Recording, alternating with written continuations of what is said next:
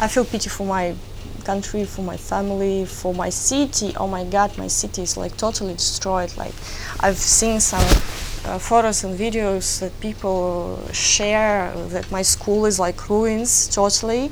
I was attending the 20th school of Mariupol. You can check that. It's like just the stones and that's it. Um, the university where I, where, where I studied also is, uh, I don't know if it will ever be uh, existing and and the factories we have a lot of metallurgy and we have a lot of culture connected to metallurgy and our city is like we, i was brought up uh, taught to respect this industry uh, this um, the the steel mill no the yeah yeah this local like mm,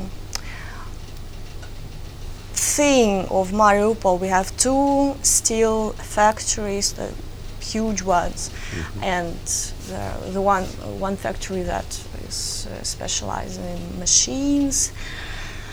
Uh, and one of them is, mm, uh, as far as I know, not possible to be re- to recover, to be rebuilt, and the other one is uh, highly unlikely to be rebuilt soon. I don't know, and it, and the city is occupied and destroyed, and more or less thirty thousand of people, civilians, were killed, and this is a huge number. I have a a lot of people who I actually know were suffered from war, like lost their lives, um, warriors or just civilians uh, just casual people who were my mm, school teachers, who were my uh, classmates, mm-hmm. uh, like friends of my brother who was staying there for longer than me, and I know them in person.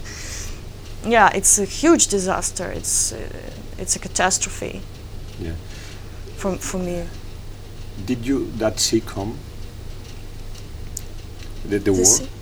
Do you see the war come uh, did I uh, did I expect it? Yeah. Well, uh, there was some information in the U.S. press, but well, we live in, in Europe, you know, I w- would never imagine this happening in the 2022.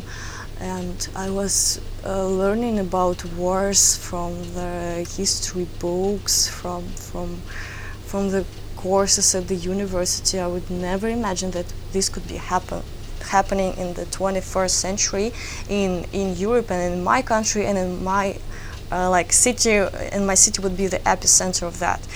Well, of course, I know that a lot of people are suffering to worse um, in in the world, but I would never imagine that this would be happening so close and with the with the Russians who are um, like we have a lot of connections in fact. The Ukra- ukrainians and russians people they have families they have friends uh, and until do you speak russian for example sure yeah everybody in in ukraine in fact in fact understands russian and a lot of people uh, have russians uh, russian as their mother tongue it was never well up until 2014 I uh, was living in Mariupol and I never felt this um,